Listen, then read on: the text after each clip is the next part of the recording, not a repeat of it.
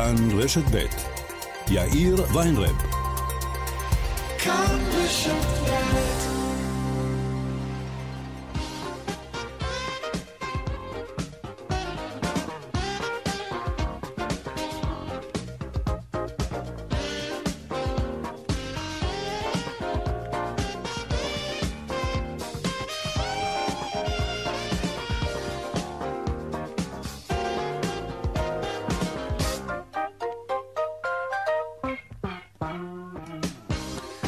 ארבע ועוד שש דקות כאן צבע הכסף ברשת ב' יום ראשון, שלום רב לכם, מועדים לשמחה, העורך רונן פולק, המפיקה סמדר טל עובד, טכנאי השידור שלנו הוא אילן אזולאי, הדואל של צבע הכסף הוא כסף כרוכית כאן.org.il אני יאיר ויינרב, מעכשיו עד חמש אנחנו מיד מתחילים.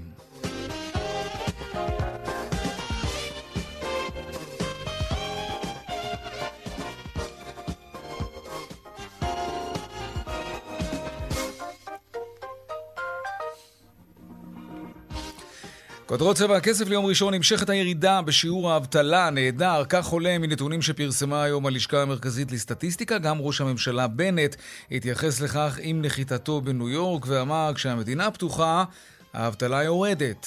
אבל יש עוד דרך ארוכה לפנינו. שלום דנה ירקצי, כתבת התחום הכלכלי שלנו. שלום יאיר, נכון, שיעור האבטלה הרחב ירד בחודש אוגוסט, אך עדיין שיעור הבלתי המועסקים עולה. כלומר, אין מגמה אחידה, שיעור האבטלה הרחב ירד בחודש אוגוסט ל-8%, לאחר שבחודש יולי הוא עמד על 8.4 עשיריות האחוז, מדובר בדורשי עבודה, אנשים שיצאו לחל"ת ואנשים שהופסקה עבודתם במהלך משבר הקורונה. במסגרת שיעור האבטלה עצר, דווקא נרשמה עלייה מתונה של אחוז, ושיעור האבטלה עלה ל-6% ו-3 עשיריות האחוז. מאז חודש יולי, אז הופסקו תשלומי האבטלה לעובדים שהיו בחופשה ללא תשלום, ראינו עלייה בשיעור האבטלה, ולמעשה מאז לא רואים מגמה אחידה בשיעורי האבטלה, מעין אקורדיון כזה, כלומר בחודש יולי ראינו עלייה, בחודש אוגוסט אה, ירידה, כן. וכך אולי אפשר לייחס אה, אה, את ההגבלות של התו הירוק, או אתה יודע, לקראת החגים מעסיקים מפחדים להעסיק בחזרה עובדים, אבל בכל אופן לא רואים מגמה אחידה בכל מה שקשור לשיעור האבטלה מאז החליט שר האוצר על אה, ביטול למעשה דמי החל"ת אה, כן. לאנשים מתחת לגיל 45. דנה ארקצי, תודה רבה. תודה. שינוי המדיניות בנוגע למקבלי התו הירוק, מיום ראשון יהיו זכאים לקבל את התו הזה רק מי שקיבלו שלוש מנות חיסון או מי שחוסנו פעמיים ועדיין לא חלפה חצי שנה ממועד החיסון השני. בענפי המסחר מביעים חשש לעסקים שלהם וקוראים לממשלה לדחות את כניסת התו הירוק אה, לפחות בכמה חודשים, זה די הרבה. עורך הדין אוריאלי, נשיא איגוד לשכות המסחר, פנה הבוקר לראש הממשלה ואמר כי מדובר בהוראה שאיננה ישימה וגם היא איננה ריאלית. הנה הדברים. הנזקים שיגרמו למגזר העסקי הם עצומים, פחות צרכנים. אה, פחות מקבלי שירותים, חיכוכים מיותרים, התלבטויות, ובסופו של דבר בוודאי שהממשלה תצטרך לשנות הוראה זו. על כן מה שאני מציע הוא שתוקף השינוי הזה לגבי שלוש זריקות יועבר לראשון לתחילת השנה הבאה. וממחר לא יתקיימו מבחני נהיגה מעשיים, טסטים לנבחנים שלא יציגו תו ירוק בתוקף או אישור תקף של בדיקת קורונה שלילית. שלום כתבנו שרון עידן. כן, שלום יאיר. בעצם החל אה, ממחר אה, לא אה, יתקיימו מבחני נהיגה, כלומר טסטים לנבחנים שלא יציגו תו ירוק בתוקף או אישור של בדיקת קורונה שלילית בתוקף. עד עכשיו הדבר הזה היה די פרוץ. את ההחלטה הזאת מוציא היום יושב ראש איגוד עובדי התחבורה בהסתדרות אבי אדרי לעובדים בחברות מילגם וטלדור. בעצם בוחני הנהיגה, הטסטרים, חוששים לבריאותם בגלל אותה ישיבה צפופה ברכב סגור במשך הרבה מאוד שעות עם נערים יחסית צעירים, חלקם אגב אה, כמובן גם לא מחוסנים, אה, והם טוענים שהם נמצאים ברמת סיכון גבוהה אה, להיחשף לנגיף הקורונה. ובעצם הדבר הזה עד עכשיו לא נפתר, כלומר לא נמצא איזשהו פתרון שיגן על הנבחנים, ולכן mm-hmm. החל ממחר, 27 בספטמבר, מחר יום שני, ערב החג, מי שמגיע לטסט חייב בעצם להגיע עם תו ירוק, אחרת הוא לא יוכל לעלות אה, לאותו טסט, וכמובן בהצלחה לכל הנבחנים במבחני הנהיגה. בהצלחה. שרון עידן, תודה רבה. עוד בצבע הכסף בהמשך, בית המשפט המחוזי בירושלים אישר תביעה ייצוגית נגד שתיים מחברות המכונות, מכונות המשקאות הגדולות בארץ, על גביית עמלת תשלום בכרטיסי אשראי. אתם מכירים את זה, נכון? בכל פעם שאתם משלמים על משקה במכונת השתייה עם כרטיס אשראי, גובים מכם גם עמלה נוספת שלא מופיעה על המחיר הנק... הנקוב של המוצר שבחרתם לרכוש אותו. נעסוק בזה עוד מעט, וגם אוטוטו, אחרי החגים, איך אפשר לחזור לשגרת העבודה בכלל, אחרי חודש של שבועות מקוצרים וחגים שלא נגמרים, אז עוד רגע הם נגמרים. ננסה לסייע לכם עם כמה טיפים להנאה מחדש. מועדים לשגרה, ככה אנחנו קוראים לזה, וגם הדיווח משוקי הכספים כרגיל לקראת סוף השעה. אלה הכותרות כאן צבע הכסף. אנחנו מיד ממשיכים.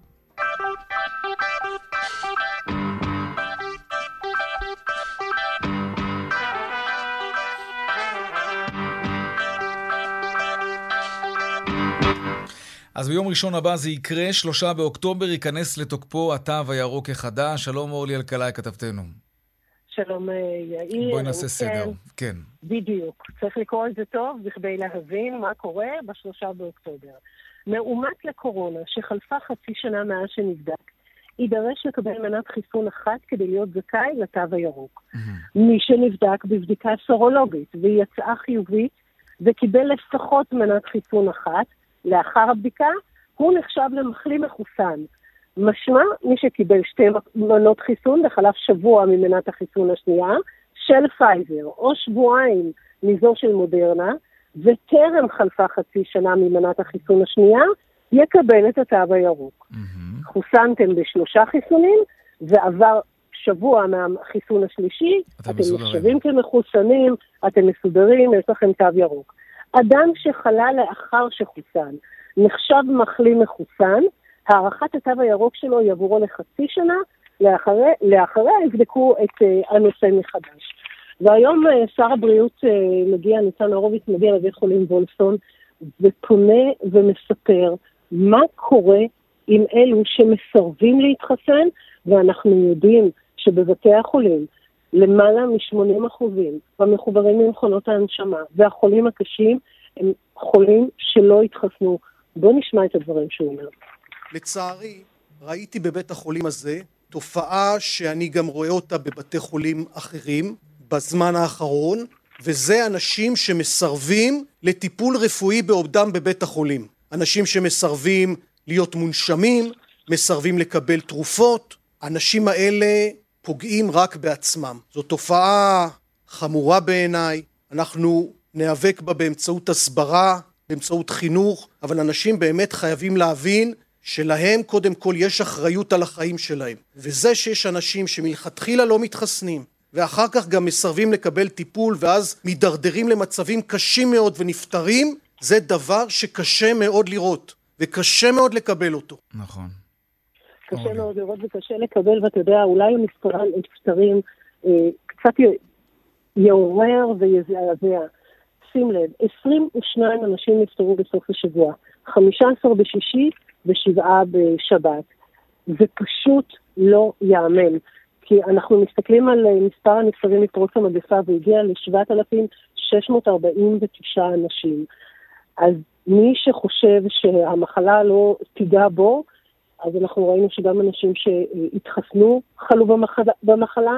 מספר החולים הקשים עלה ל-711, 215 מהם הם מונשמים ומחוברים למכונות הנשמה, וכשזה מגיע כבר למצב הזה, אז לא בדיוק שואלים את החולה, אלא שואלים את בני המשפחה, ושמענו את השר, שר אה, הבריאות אה, הורוביץ, שמסרבים גם להתחבר למכונות ההנשמה, מסרבים להתחסן, ואני יכולה לומר לך אה, שאני מכירה יותר ויותר חבר'ה צעירים בשנות ה-20, ב-20 המאוחרות, שהתחסנו בשני חיסונים ומסרבים להתחסן בחיסון השלישי.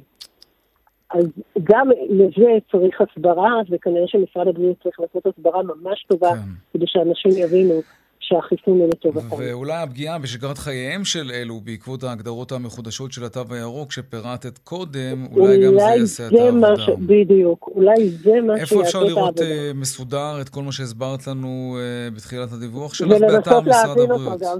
כן, ולנסות גם להבין.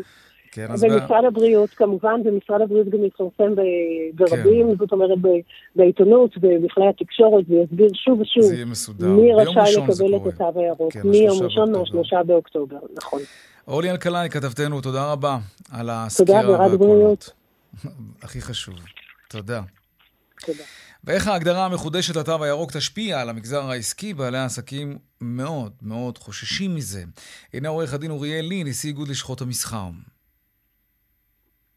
כן? כן. לא. לא. טוב. הנזקים שיגרמו למגזר העסקי הם עצומים, פחות צרכנים, אה, פחות מקבלי שירותים, חיכוכים מיותרים, התלבטויות, ובסופו של דבר בוודאי שהממשלה תצטרך לשנות הוראה זו. על כן מה שאני מציע הוא שתוקף השינוי הזה לגבי שלוש זריקות יועבר לראשון לתחילת השנה הבאה. שלום קרן שטבי, מנכ"לית אה, הולמס פלייס. אהלן, אהלן. אהלן, חג שמח, בריאות, ושלום גם לך, שי ברמן, יושב ראש איגוד המסעדות. אהלן. שלום לשניכם. קרן, תחילה אלייך. מה את כן. אומרת על הסודוקו הזה?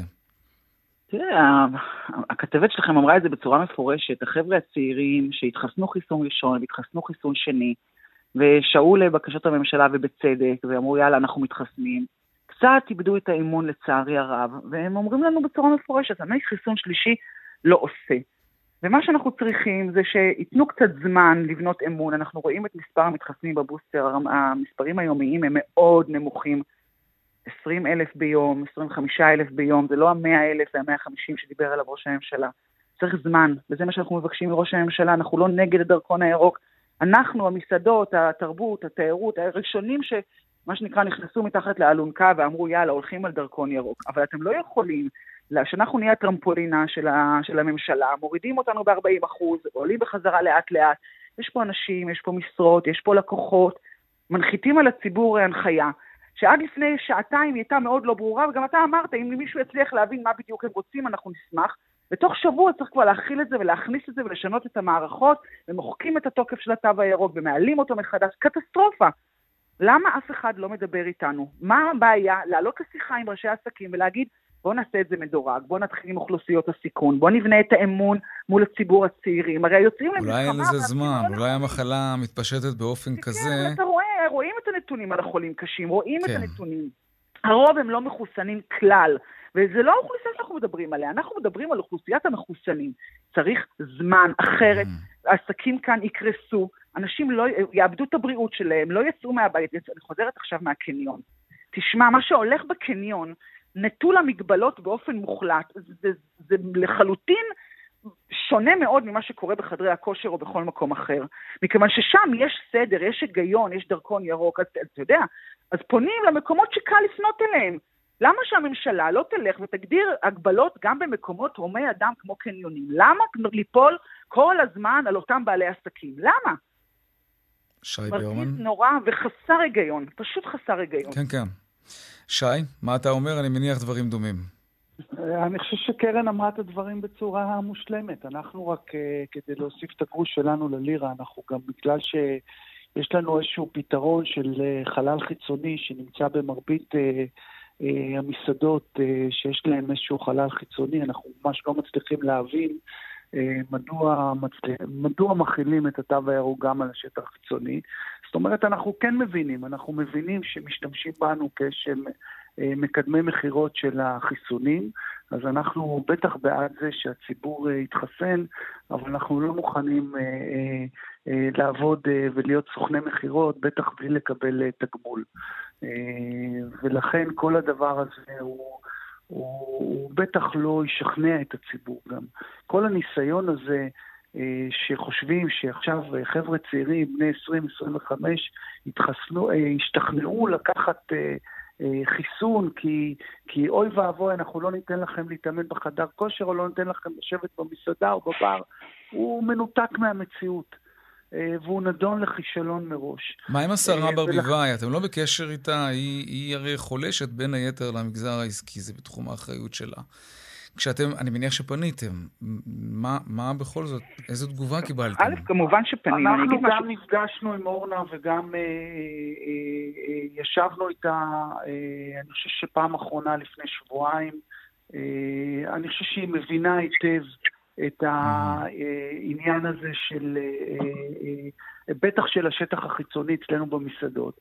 עד כמה זה נתון להשפעה על ראש הממשלה? בסוף, אתה יודע... כנראה שלא, אנחנו רואים את ההגדרות... אני, אם אני יכולה להגיד משהו על השטח החיצוני, כן. אתה יודע, אנחנו נאבקנו קשות בוועדת החוקה על הסיפור הזה של הבריכות בחוץ באוגוסט. זה הצליח. זה לא הצליח. למה? לא הורידו את ההגבלות מהבחירות החיצוניות. כן, כן, כל אוגוסט המגבלות היו קיימות, וכשהקליטו את אה, שר הבריאות אומר לאיילת שקד שזה סתם וזה שטות ואין לזה שום היגיון אפידמיולוגי, לא הייתה ברירה לוועדת החוקה אלא להסיר את המגבלה המטופשת הזו, וזה היה בספטמבר. ספטמבר, נכון. שלמים קרסו מהחודש הכי חזק בשנה. זה פשוט לא הוגן מה שהם עושים למסעדות בחוץ, הייתי גם בוועדת החוקה הנוכחית. כולם חושבים שצריך להסיר את המגבלה הזו, אבל לאף אחד אין אומץ להגיד, חברים, מסירים את המגבלה. פשוט חותמות גומי שהן לא מתחשבות בבעלי עסקים, ואומרות, בסדר, אנחנו את השכר שלנו מקבלים כל חודש. מה אכפת לנו מה קורה אי שם במגזר העסקי? זאת ההרגשה. חד משמעית. הרי אם יתפסו את ניצן הורוביץ אומר שגם תו ירוק במסעדות בחוץ זה אידיוטי, למחרת זה, זה יבוטל, זה ברור. תפסו אותו כבר, תפסו אותו. אני חושב שדווקא בעניין הזה, אה, אה, מי שהוא שחקן מרכזי בהסרת המגבלות זה ראש הממשלה. ולפי מה שאנחנו מבינים, דיברת על שיחות שלנו עם גורמי ממשל, אני חושב שההתמדה הזאת של סירוב ה... אה, פתיחת השטח החיצוני והסרת המגבלות על השטחים החיצוניים, זה בא קודם כל ממשרד ראש הממשלה אה, אה, ולא ממקומות אחרים. כן, טוב, אנחנו נמשיך לעקוב אחרי זה. תראו, ב-1 באוקטובר זה כבר קורה, אז אין לכם יותר מדי זמן. ב- סליחה, ב-3 לא, באוקטובר. לא, אנחנו הצלחנו לקבוע שיחת זום עם בכיר במשרד הבריאות יום לפני כניסת המגבלות. אבל זה... הסיכוי שזה ישתנה הוא אפס, ויהיה כן. פה כאוס, ואתה יודע, בסוף מי שאוכל אותה זה הרשתות הגדולות, שבאמת מבקרות ובאמת בודקות ובאמת עושות את זה. ואנחנו פשוט מייצרים פה פושעים במו ידינו, זה הכל. קרן שטבי, מנכ"לית הולמס פלייס, ושי ברמן, יושב ראש איגוד המסעדות, תודה רבה לשניכם, ובהצלחה. ביי, בהצלחה, שי. תודה, כל טוב. ביי, ביי. כן, שיסתדר בסופו של דבר. טוב, עכשיו אה, נדבר על אה, חברת אברגרנד, חברת הנדל"ן הסינית, השנייה בגודלה על סף קריסה. זאת לא עוד חברה שקורסת, זאת ענקית, שיותר מדי בנקים בעולם חשופים אליה, ואם היא תיפול, היא עלולה לקחת איתה עוד כמה חברים למטה, אולי גם חברים מישראל. תכף נבדוק. שלום, פרופסור לאו ליידרמן, היועץ הכלכלי הראשי של בנק הפועלים. שלום ומועדים לשמחה. מועדים לשמחה. בנק הפועלים הוא אחד הבנקים שחשופים לאברגרונד? Uh, עד כמה שידוע לי לא. ובארץ בכלל יש בנקים שחשופים לענקית הנדל"ן? אני לא חושב, אני חושב שאנחנו... יכול להיות שיש אה, משקיעים בקרנות מסוימות שמחזיקים אגרות חוב של, אה, של חברת אברגרנד באיזשהו מקום, אבל עד כמה שידוע לי החשיפה היא די מינורית. אוקיי, okay, ככה קצה המזלג, מה בדיוק קרה שם בחברה? לקחה על עצמה יותר תראה, מדי? תראה, גם בסין הגדולה והטוטליטרית והעוצמתית, כן. לפעמים הדברים יוצאים משליטה. מכלל שליטה.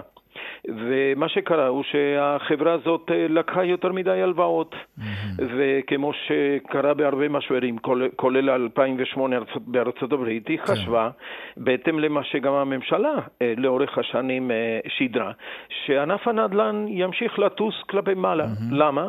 כי מבחינת הממשלה בסין, הנדל"ן זה אחד ממנועי הצמיחה העיקריים. והם מעוניינים שסין תצמח כמה שיותר ות, ותהפוך ל, למדינה הגדולה בעולם, כיום היא מספר שתיים בעולם מבחינה כלכלית אחרי ארצות הברית. וכמו כל בועה וכמו כל תהליך כזה שמתנפח בצורה לא בריאה, מתישהו הדבר הזה מתנפץ. ומה שהתנפץ, זה התנפץ בעיקר כתוצאה מרגולציה חדשה שהממשלה הסינית בעצמה אה, חוקקה לפני כשנה, של צמצום ההלוואות וצמצום הסבסודים לענף הנדל"ן. Mm. אז דווקא כשאברגרנד, אה, אחרי כל הניפוח הזה, מדובר בבניינים שאין להם ביקוש. כלומר, הם, אה, אנחנו שמענו הרבה סיפורים על כל מיני דינוזאורים כאלה, בניינים ענקיים. אז מה, הם בנו, בנו, בנו ובנו, ועכשיו לא יכולים למכור, לא יכולים למכור את הדירות? ולא יכולים למכור. בינתיים יש האטה מסוימת בכלכלה של סין, מחירי הנדל"ן מתחילים לרדת, הם צריכים כסף. והדרמה הייתה ביום חמישי האחרון, כאשר אברגרנד לא הצליחה לשלם את תשלום הקרן והריבית על אגרות חוב ותשלומי חוב על הבנקים, ולכן השבוע... אז היא כבר חדלת פירעון, או שעדיין לא? לא, מה שקורה באגרות חוב אה, זה שיש תקופת grace של חודש. Mm-hmm. כלומר, יש להם חודש אה, להסתדר מבחינת הקופה, לגייס את המקורות, ועדיין זה לא ייחשב כחדלות פירעון. אנחנו בדעה שהממשלה הסינית תעשה הכל, ואם יש צורך אפילו להלאים את החברה, כן? פעם זה הייתה... קל שם, זו מדינה קומוניסטית. פעם היו העלמות בישראל, כן. כש, כשבצד נכון. הפיננסי לנו, היה לנו משבר בשנות ה-80. אה, אבל הדיטיילס, הפרטים עדיין לא ידועים, אי ודאות מאוד גדולה, וזה mm-hmm. נושא שיחזיק את השווקים בדריכות גדולה בתחילת השבוע. הזכרת קודם את המשבר הגדול שהתחיל בארצות הברית ב-2008. זה, זה סיפור בקנה מידה כזה של לימן בראדרס, או ש... לא, לא. לא, לא צריך להגזים. לא מדובר על סיפור של לימן בראדרס, כי עיקר החשיפות הבנקאיות למשל הן לבנקים בתוך סין. אוקיי? Mm-hmm. אנחנו מדברים על 300 מיליארד דולר חוב, mm-hmm. שזה דבר ענק. אה, זה, זה מהווה 2% מהתוצר המקומי הגולמי של סין, מדינה ענקית. אה, אבל עיקר החשיפה היא לבנקים המקומיים. בקטע של איגרות חוב, הם לבו כסף באמצעות הנפקת איגרות חוב, אז שם יש כן חשיפה יותר גלובלית. אבל לימן בראדרס היה לך, בין היתר, היה לנו, היה להם פשיטת רגל של בנק השקעות מז'ורי בארצות הברית ששמו לימן בראדרס. כן. ובאותו משבר כל קווי הנזילות בין הבנקים השונים, ג'יי פי מורגן וסיטי בנק, ולימן וכל זה, כן. הוקפאו לחלוטין ושותקו לחלוטין. Mm, אז זה לא הסיפור אז, הזה. אז זה, זה משבר ש, שברור שממשלה אה, כל כך עוצמתית ועם כל האמצעים כמו mm-hmm. של סין יכולה אה, להתארגן ולהשתלט עליו. זה גם המוניטין שלה, יש לה אינטרס לעשות את זה, כדי ש... הרי הם רוצים גם להשפיע כלכלית בכל העולם, ואם חברה כזאת תקרוס והם לא יצילו אותה וילאימו אותה, נדמה לי שזה יפגע מאוד במוניטין של סין. אין ספק, ואם אתה מדבר ובצדק, יאיר, על מוניטין, אני חושב שאנחנו אה, אה, חושבים שסנטימנט המשקיעים כלפי סין, כולל המשקיעים הישראלים, עכשיו יהיה הרבה פחות אה, נלהב והרבה פחות מתלהב ממה שהיה בעבר. מדוע? מכיוון שיש פה הרבה סימנים לשינוי בכללי המשחק של הממשל הסיני. כלומר, כיום הדגש העיקרי שלהם זה על שליטה בכלכלה, וראינו את זה גם עם הרגולציה החדשה שהוטלה על עליבאבא וחוואגווי נכון. וויצ'אט אה, וויצ'אט פיי וכל הדברים, כל, כל תחום הטכנולוגיה וכל התחומים המרכזיים של הכלכלה, כל המונופולים הגדולים, כולל בענף הנדל"ן, בענף המידע וכדומה, כל אלה עכשיו נתונים לפיקוח מאוד מאוד גדול של הסינים, ואתה יודע, יש פה אי ודאות רגולטורית מאוד גדולה, כך שגורם עסקי ישראלי שנכנס לשם, אני לא מדבר על uh, uh, uh, אספקת מוצר uh, ספציפי בגודל שוק uh, קטן יחסית או בינוני, אבל ככל שמדובר בנושאים שבלב ליבו של העניין ושל הדאגה של uh, מקבלי ההחלטות של סין, הסיכון ואי הוודאות הרגולטוריים הם uh, יותר גדולים. בוא נדבר קצת על הצהרות שלנו, התחזקות השקל, מה, מה עושים עם זה, תגיד?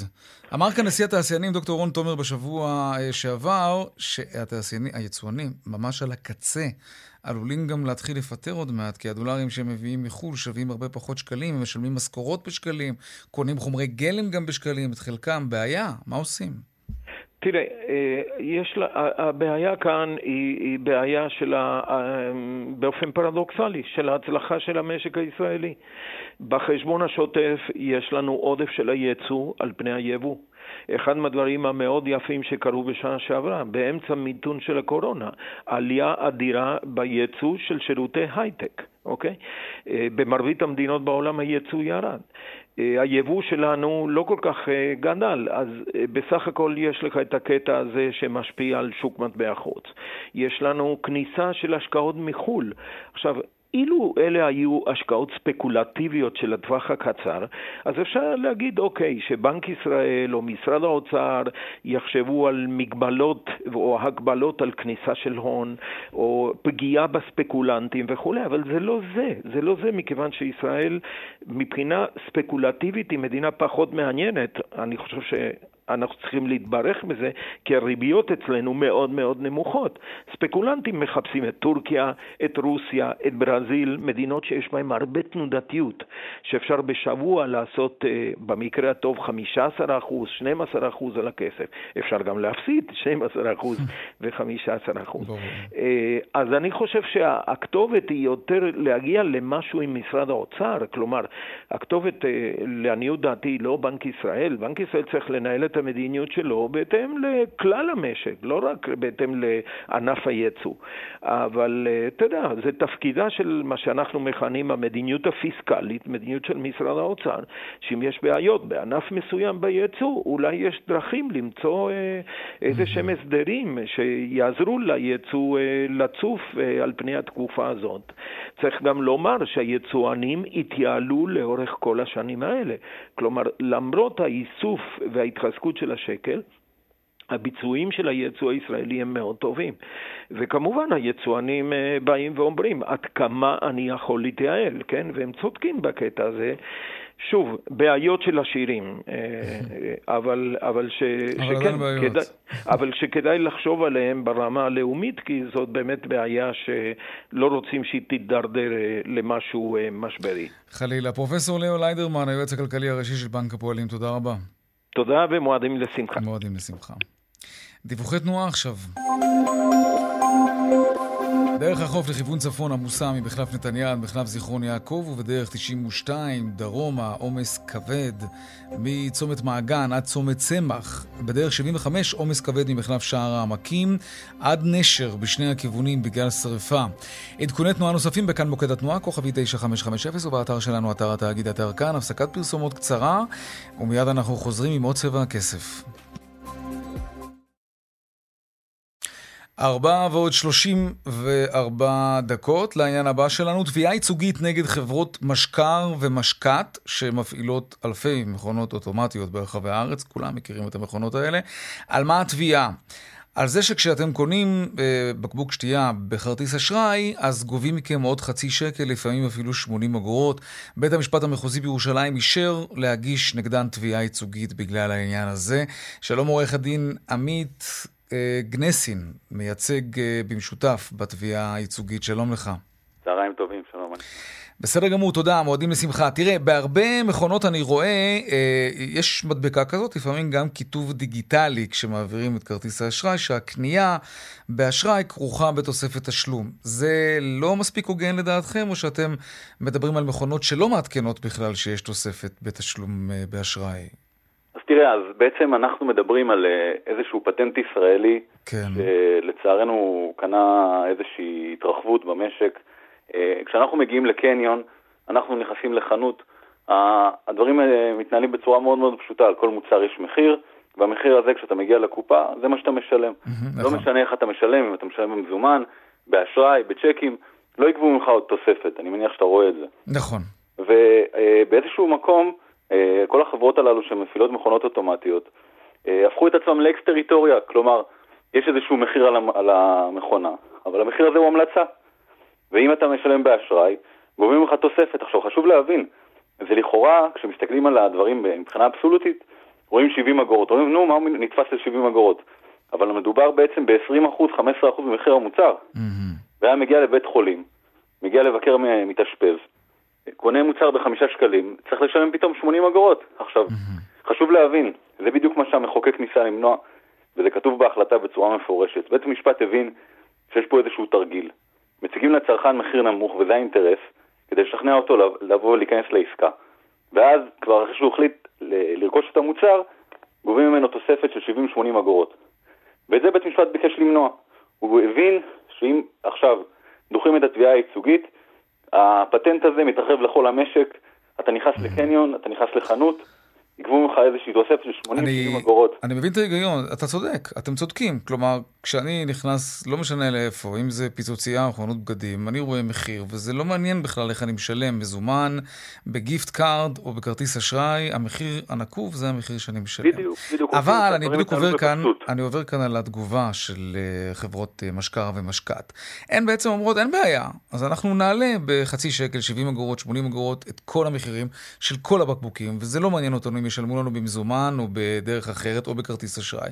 אנחנו בעצם בסדר, זה מה שהן אומרות. אנחנו נותנים מחיר זול יותר למי שיבחר לשלם במזומן או באמצעים אחרים. הם, מציינים, הם מציינות פה אה, כרטיס נטען אה, או מזומן, והם מאפשרים למי שרוצה באשראי, רק מודיעים לו שאנחנו, שאתם תשלמו יותר. כאילו, במקום לבקש מכולם עוד חצי שקל, אנחנו מבקשים רק ממי שקונה בכרטיס אשראי. אפשר להסתכל על זה גם מהכיוון הזה ולהגיד, וואלה, הם דווקא בסדר אלה.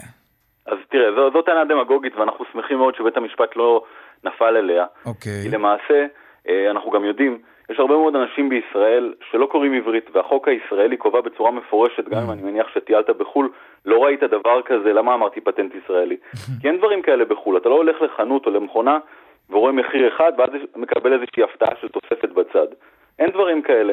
יש בישראל 20% מהמדינה הם דוברי ערבית, חלקם לא, לא יודעים עברית, לא יודעים לקרוא עברית. אנחנו מדברים על תיירים, אה, הם לא אמורים לבוא ולקרוא עברית כשהם קונים במכונה, הם אמורים לראות מחיר ולהחליט אם הם רוצים אה, לשלם אותו ולרכוש או לא. זה עניין אחד. עניין שני שחשוב להבין אותו, ב, אה, כמו שאמרתי, לעוסק יש אינטרס להציג את המוצר במחיר הנמוך ביותר. כדי לפתות אותך, כבר לפתוח את הארנק. בדיוק. ברגע שאתה כבר מגיע לשלב הזה של פתיחת הארנק, אתה כבר מבצע את העסקה גם אם זה יעלה לך עוד חצי שקל. אבל בהמשך התגובה שלהם, כן, זה גם משהו שראוי לומר, הן אומרות שהן מחויבות בתשלום של עלויות סליקה ועמלות לסליקת האשראי. כלומר, הן בעצם מגלגלות לצרכן שבוחר לשלם בכרטיס אשראי את מה שעולה להן אחר כך כדי לגבות את התשלום שהוא משלם להם באמצעות חברת האשראי. עכשיו, אנחנו יודעים שזאת לא המצאה, יש מה שנקרא סליקת כרטיס אשראי, והסליקה הזאת באמת לא מתבצעת בחינם. אכן, אבל, וגם זו, אה, כשביררנו את התיק הזה, והדברים האלה גם עולים מההחלטה, אה, היה ברור מאוד, וגם הם טענו את זה, שבחלק מהמקרים הם לא גובים עמלה בכלל, וכמו שאתה אומר, העמלה היא קבועה, ואגב היא קבועה בהוראות של בנק ישראל, מדובר בערך ב-2% ממחיר העסקה, ופה, כמו שאנחנו רואים, הם גובים עמלה של 15-20% לפעמים ממחיר העסקה, וזה רק מוכיח שלא מדובר בעמלת סליקה, זה איזושהי דרך שהם מצאו לגבות אה, עלויות נוספות, תפעוליות נוספות, mm-hmm. מהצרכן, לא עמלת סליקה, ויותר מזה, גם אנחנו ראינו נתונים שהם עצמם ציינו, לפעמים לא גובים עמלה בכלל, במחנות צה"ל הם גובים 50 אגורות, במקומות אחרים הם גובים 70 אגורות, במקומות אחרים 80 אגורות, אז אני שואל, אם זה, אם זה עמלה, למה העמלה לא קבועה? זה רק מוכיח שלא מדובר בעמלת אשראי, מדובר באיזושהי דרך נוספת לגבות מהצרכנים עלות נוספת ב, אה, במחשבה, שהיא אגב נכונה, שאנשים באיזשהו מקום הם עיוורים לדברים שמשתקמים ב-70, 60, 70 אגורות, כשברור לחלוטין שמבחינת החברות הללו כן. מדובר בתשלומי עתק מדי שנה שהן משלשלות לכיסן. מבלי לגלות... כמה כסף אתה חושב יהיה ראוי שחברות אה, המשקאות האלה, חברות המכונות, אה, יחזירו לציבור? אז תראה, אז במובן הזה ההחלטה של בית משפט עושה את הדברים בצורה מאוד מסודרת ומגדירה את זה. אה, בית משפט קבע בצורה מפורשת שכל מה שהחברות הללו יצטרכו להשיב לצרכנים, אלו את אותן עמלות אשראי שהם גבו מהם. ולנו יש נתונים. אנחנו יודעים שהחברות הללו, משקר ומשקעת ששולטות בערך ב-50% מהשוק, וגם עורך הדין שלהם אמר את זה כן. בדיון, 50% מהעסקאות נעשות באשראי. המשמעות היא עצומה. החברות הללו מגלגלות למיטב ידיעתנו, נכון לשנת 2012, 350 מיליון שקלים מדי שנה. כלומר, המשמעות היא ש-175 מיליון שקלים, עסקאות שנעשו באשראי, אם אנחנו לוקחים אפילו בצורה המינימלית והשמרנית ביותר 10% מ-175 מיליון שקלים, 17.5 מיליון שקלים מדי שנה, שהחברות האלה לקחו מהצרכנים ללא הצדקה. ואת הכסף הזה אנחנו רוצים להחזיר לצרכנים, ואגב, אני אגלה לך סקופ, אנחנו במהלך הניהול של התיק הגישו לנו הצעה, הם הבינו את הבעיה בתביעה מבחינתם, כן. אמרו לנו בואו אה, נגיע לאיזשהו הסדר שהמשמעות מבחינת הציבור היא כלום, הציבור לא יקבל כמעט שום דבר. כמה הם הציעו? אה, אסור לי לגלות, אבל אני רק אגיד לך שהבטיחו לנו שכר טרחה, ואנחנו יודעים שלפעמים יש תביעות ייצוגיות לא ראויות שעורכי דין לפעמים מקבלים, דואגים לעצמם שכר טרחה, והציבור נשאר בלי כלום, mm-hmm. ואנחנו כמובן סירבנו. אנחנו את התיק הזה לא נסיים מבלי שהצרכנים יקבלו את כל מה שמגיע להם. תן סכום. וכמובן, רק אחרי ש... תן סכום. יקבלו את כל מה שמגיע להם, כמה כסף אנחנו חושב... נקבל את חלקנו. כמה כסף אתה חושב שהציבור צריך לקבל בחזרה בסופו של ההליך הזה? את כל העמלות, את כל העמלות, פשוט... מה, שבע שנים אחורה? ש... שבע שנים אחורה מהגשת התביעה, כן, ועד היום. ש... אוקיי, בוא נחשב רגע, רק שנבין מהו היקף התביעה בעצם צפוי להיות. אין לי, לי אין את הנתונים המדויקים, זה הדבר שהתברר עכשיו במהלך ניהול ההליך. אבל אה, יש לנו נתונים של דאן ברדסטריט, חברה שעשתה ניתוח שוק של ה... כן. כל השוק הזה של המכונות האוטומטיות, כמו שאמרתי, 175 מיליון שקלים נכון על שנת 2012, אני מניח שהנתונים האלה גדלו מאז, אה, אה, עסקאות שנעשו באשראי, כלומר נניח בממוצע 10% ממחיר העסקה אוקיי. זה אה, עמלה אותה עמלה, אנחנו מבינים שמדובר בערך ב-18 מיליון שקל של עמלות שנגבו מדי שנה, שבית משפט קבע שצריך לה, אה, להשיב אותן. עורך הדין אה, עמית גנסין, תודה רבה, מייצג במשותף בתביעה הייצוגית הזאת, תודה רבה. כן, אני רוצה, אני רוצה רק, חשוב לי לתת אה, קרדיט. קודם כל, אה, התיק הזה מנוהל במשותף על ידי ועל ידי עורך דין אוהד רוזן. אה, ובנוסף, אני רוצה להגיד תודה למועצה לצרכנות, שראתה בתיק הזה תיק עקרוני, שחשוב מאוד שיצא מבית משפט למנוע דברים מהסוג הזה, ובאמת גם תודה. בזכותם, בזכות העמדה שהם הגישו, הגענו לתוצאה הזאת. תודה רבה, עורך הדין עמית גנסין, תודה. תודה להתראות.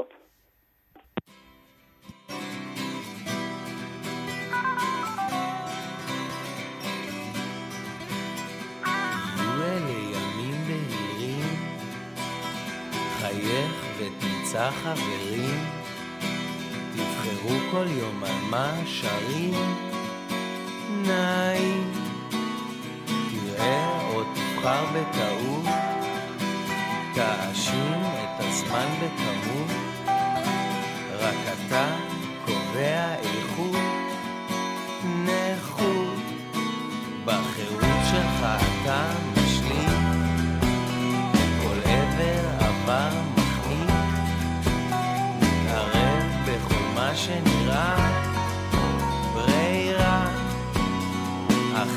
באה תחילה, גלים גלים ממזרה, רומזת מגלה גם לך, היה.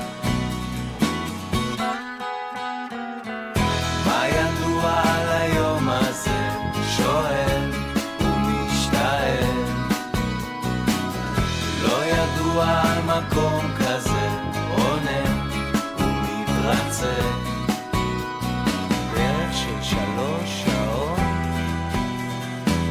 יש בינתיים מה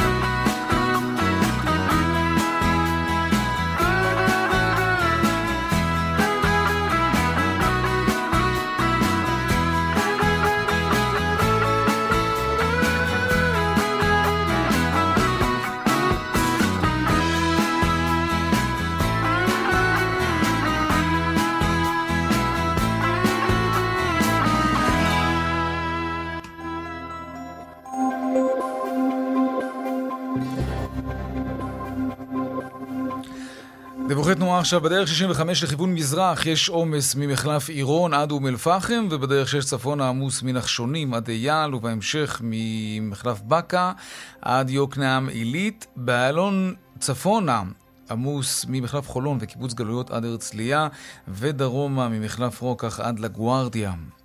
עדכוני תנועה נוספים בכאן מוקד התנועה, כוכבי 9550 ובאתר שלנו, אתר התאגיד, אתר כאן. ועכשיו אנחנו ננסה להתחיל את המעבר ממועדים לשמחה למועדים לשגרה. איך חוזרים לעבודה אחרי תקופת חגים כל כך מפנקת עם חופשים שמתחברים לסופי שבוע? איך מדלגים על השביזות הזאת שבאה עם שבוע העבודה המלא מיד אחרי סוכות. שלום, מאיה רענן, יועצת תעסוקה ומנהלת תוכן בעמותת נטע, המרכז לפיתוח קריירה. שלום לך, מועדים לשמחה. שלום, שלום, מועדים לשמחה. אז איך עושים את זה? תראה, לכולם זה יהיה קשה, כן? מצד שני, אבל אנחנו כולנו גם מחכים, מחכות ל... אה, אחרי החגים הזה שצריך כבר להגיע. כן. אה, אז קודם כל תכנון, תכנון נכון, תכנון הוא אבי כל. ההרגעות וה... והשלווה. תכנון של מה? מה אני צריך לתכנן? תכנון של חיפוש נכון. מה שצריך להכין לעצמך לקראת חיפוש עבודה, מה שאת צריכה להכין לך לקראת חיפוש עבודה, תכנון נכון. לארגן איזושהי ערכת חיפוש עבודה, אה, ובתוכה יהיו קורות חיים מסודרים, מותאמים, אה, מותאמים למשרה כמובן המבוקשת. אה, נאום מעלית ככה מדויק, קצרצר, כמה שניות, אה, דקה-שתיים של אה, פיץ' כזה שאומר מי את, מה את מחפשת, מה, מה הערך המוסף שלך, מאיפה את באה ולאן את מעוניינת להגיע. רשימת נטוורקינג של כל אנשי הקשר המקצועיים מן העבר, רשימה של אנשי קשר לא מקצועיים, לא מהעבר המקצועי. כישורים לכל אתרי אוקיי. הדרושים, רלוונטיים וכולי. אוקיי, okay. אה, חשבתי שנדבר קצת על, לא על אה, איך לחפש עבודה, אלא יותר על איך חוזרים לעבודה אחרי תקופה כל כך ארוכה של שבועות מקוצרים. Mm. אז. איך עושים את זה? אז אמ, האמת שזה השלב, אני חושבת שרוב האנשים באמת מחכים לו כבר. זאת אומרת, זה נראה לנו נורא נורא קשה לקום ובאמת להסתכל קדימה ולהגיד, יאללה, אחרי שהיה לנו סוף שבוע אה, שלוש פעמים בשבוע, איך אנחנו עכשיו אה, מתיישבים ומתחילים לעבוד, אבל בפועל, גם את זה, אם אנחנו נתכנן נכון, יש לנו עכשיו שבוע לתכנן את זה נכון, את החזרה לעבודה, להסתכל קדימה ולהתחיל להכין לנו משימות. לדעת שכשאנחנו חוזרים לעבודה ביום ראשון הבא, יום חמישי, מי שבעצם אה, רוב האנשים, להכין רשימה מסודרת של כל המטלות שלנו, לתעדף אותן כבר מעכשיו, לא לחכות עם זה לדקה האחרונה. לא לחכות עם זה לשנייה שאנחנו uh, מגיעים ופוגשים את הקולגות שלנו. התכנון הזה, שדיברתי עליו גם בהקשר של חיפוש עבודה, התכנון הזה רלוונטי מאוד בכל מה שקשור בניהול הקריירה שלנו, אז בטח ובטח בהתארגנות של אחרי חגים. תגידי, יש כאלה שזה ממש בא אצלם לידי ביטוי, אה, איך נגדיר את זה, במאפיינים דיכאוניים ממש? כלומר, את יודעת, כולנו פה צוחקים על זה קצת, כי כולם בבאסה, אבל יש כאלה שזה לא באסה בשבילם, אלא ממש משהו שדומה לדיכאון, שאחרי חופשה ארוכה כזאת חוזרים פתאום לשגרה? בדרך כלל דווקא מקובל uh, שהדיכאון מגיע קצת יותר מוקדם, במהלך החגים עצמם, הם, הם החלק הקשה, אה. הם החלק הקשוח. החזרה לשגרה, uh, גם אם ביום יומיים הראשונים היא טיפה, היא טיפה קשה, אבל החזרה לשגרה יש בה, יש בה מן הברכה, בסופו של דבר. העניין שאצלנו זה גם מתערבב עכשיו עם uh, התאוששות מקורונה, אתה יודע, לא כולם חוזרים לשגרה אחרי חודש של חגים, הם מתחילים שגרה חדשה אחרי חודשים של אי עשייה או עשייה שנעצרה כל הזמן, אנחנו גם uh, קיבלנו את החגים השנה מיד אחרי יולי-אוגוסט. נכון. כל ההורים uh, לילדים קטנים בכלל ככה, אני חושבת שכל כך מחכים כבר לרגע הזה שיוכלו להיכנס לתוך השגרה, ויש פה איזשהו רגע שהוא overwhelming, אתה נכנס למקום עבודה, אחרי uh, חודשים שכל הזמן רק שמעת, טוב, זה נטפל בזה אחרי החגים, ובזה נטפל אחרי החגים. נכון. ומגיעים אחרי החגים, אנחנו צריכים להתחיל לטפל בהכל. אז, אז נשימות עמוקות ותכנון נכון, אני מאמינה שיעסקו את אחרי עסקים יעילים. כן, זאת בעצם העבודה העצמית שלנו כעובדים. יש משהו שהמעסיקים יכולים לעשות כדי להקל על העובדים ובעצם גם להקל על העסק לחזור לתפוקה מלאה. זה מחזיר אותי שוב גם לנושא הזה של תכנון, כי התכנון צריך להגיע משם. צריך להגיע קודם כל מההנהלה, קודם כל מה, מהמעסיקים, אה, לא להציף במטלות ברגע שחוזרים מהחופש. אני, אני, אני מכירה מעסיקים שבשנייה שהחופש נגמר כבר מתייצבים עם שאלות של ומה עשית עם זה ואיך פתרת את זה ולמה לא עשית את זה כשיודעים שבעצם כל החודש האחרון היה חגים. אז לא, לא להציף, להיכנס לעבודה ברגוע, לאט לאט, להיכנס, קודם כל יום ראשון, אנחנו עושים פגישות של כל הצוותים, לפני שמתחילים עם המשימות והמטלות ולבדוק מה נעשה בחודש האחרון, הרי ברור שלא נעשה כלום בחודש האחרון וזה בסדר, כולנו מחכים לזה, כולנו מבינים את זה. אוקיי. אה, טוב, האמת שההתייחסות הראשונה שלך הייתה אה, באמת לכתיבת קורות חיים וחזרה למעגל העבודה, ככל שהמשק נשאר יותר ויותר פתוח, אנחנו מקווים שכך ש... כך זה יישאר, ובתנאי כמובן שהמגפה לא תתפשט. אה, אנחנו רואים עכשיו נתונים של הלמ"ס, של הלשכה המרכזית לסטטיסטיקה, על ירידה באבטלה. יותר ויותר אנשים נכנסים למעגל העבודה, למרות שמספר דורשי העבודה, שמענו קודם את דנה ירקצי, דווקא הוא לא יורד, אבל כן משהו קורה. אה, משהו שאנחנו צריכים אולי להצטייד בו אחרי תקופה ארוכה שלא עבדנו ואנחנו פתאום נכנסים שוב למעגל העבודה? כן, אנחנו צריכים uh, להזכיר לעצמנו כל הזמן את הצלחות העבר שלנו, להזכיר לעצמנו את הערך המוסף שלנו. Uh, תקופה ארוכה ללא עבודה uh, ממוטטת את הביטחון העצמי. כן. לנו, כן, זה, זה אחד הדברים המשמעותיים שקורים. אה, אנחנו רוצים לזכור רק את הדברים הרעים ולא את הדברים הטובים, אתה יודע, ופחות, אה, הביטחון העצמי מתערער וננגס. ופה אנחנו צריכים לקום ולהזכיר לעצמנו כל הזמן את הערך המוסף שלנו.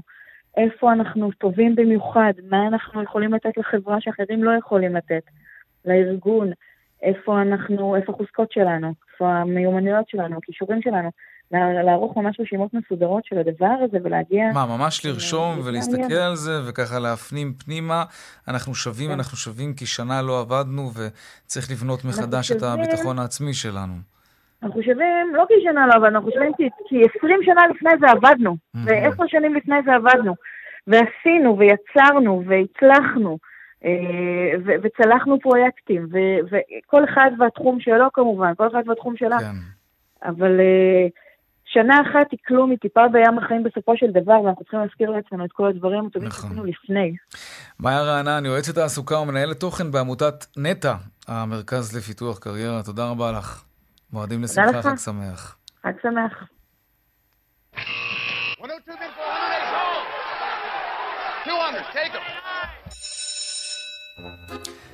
הדיווח משוקי הכספים, שלום רונן מנחם, כלכלן ראשי בנק מזרחי טפחות. חג שמח, מועדים לשמחה. חג שמח, מועדים לשמחה. אז בהמשך ישיר לאייטם הקודם, אנחנו לפני עוד uh, שבוע חלקי של uh, מסחר, mm-hmm. מחרתיים הבורסה סגורה עקב uh, שמחת תורה, היום היום קצר, יום ראשון יום קצר. בסופו של יום הייתה מגמה די מעורבת, תל אביב 35 איבד 35 מאיות, תל אביב 90 עלה 27 מאיות. אה, כשבודקים לפי ענפים רואים שמדד הנפט והגז היום אה, בלט במיוחד עם עלייה של אחוז אחד ותשע עשיריות, בלטו בעיקר מניות דלק ודלק קידוחים שעלו שלושה עד ארבעה אחוזים היום. מהצד השני מדד הבנקים איבד היום 65 אה, מאיות. בשוק אגרות החוב ראינו היום נטייה לירידות קלות, טלבונד צמוד ירד 6 מאיות, טלבונד שקלי ירד עשירית אחת. בשוק מטבע החוץ מאוד מעניין, שערך לפני שקל דולר מיום שישי האחרון, 3 שקלים 20 אגורות ועשירית אחת. ושוב לסיום, ברכת חג שמח לך, לצוות ולמאזינים, ערב טוב. תודה רבה, גם לכם. רונן מנחם, כלכלן ראשי מזרחי טפחות, תודה רבה. להתראות. להתראות.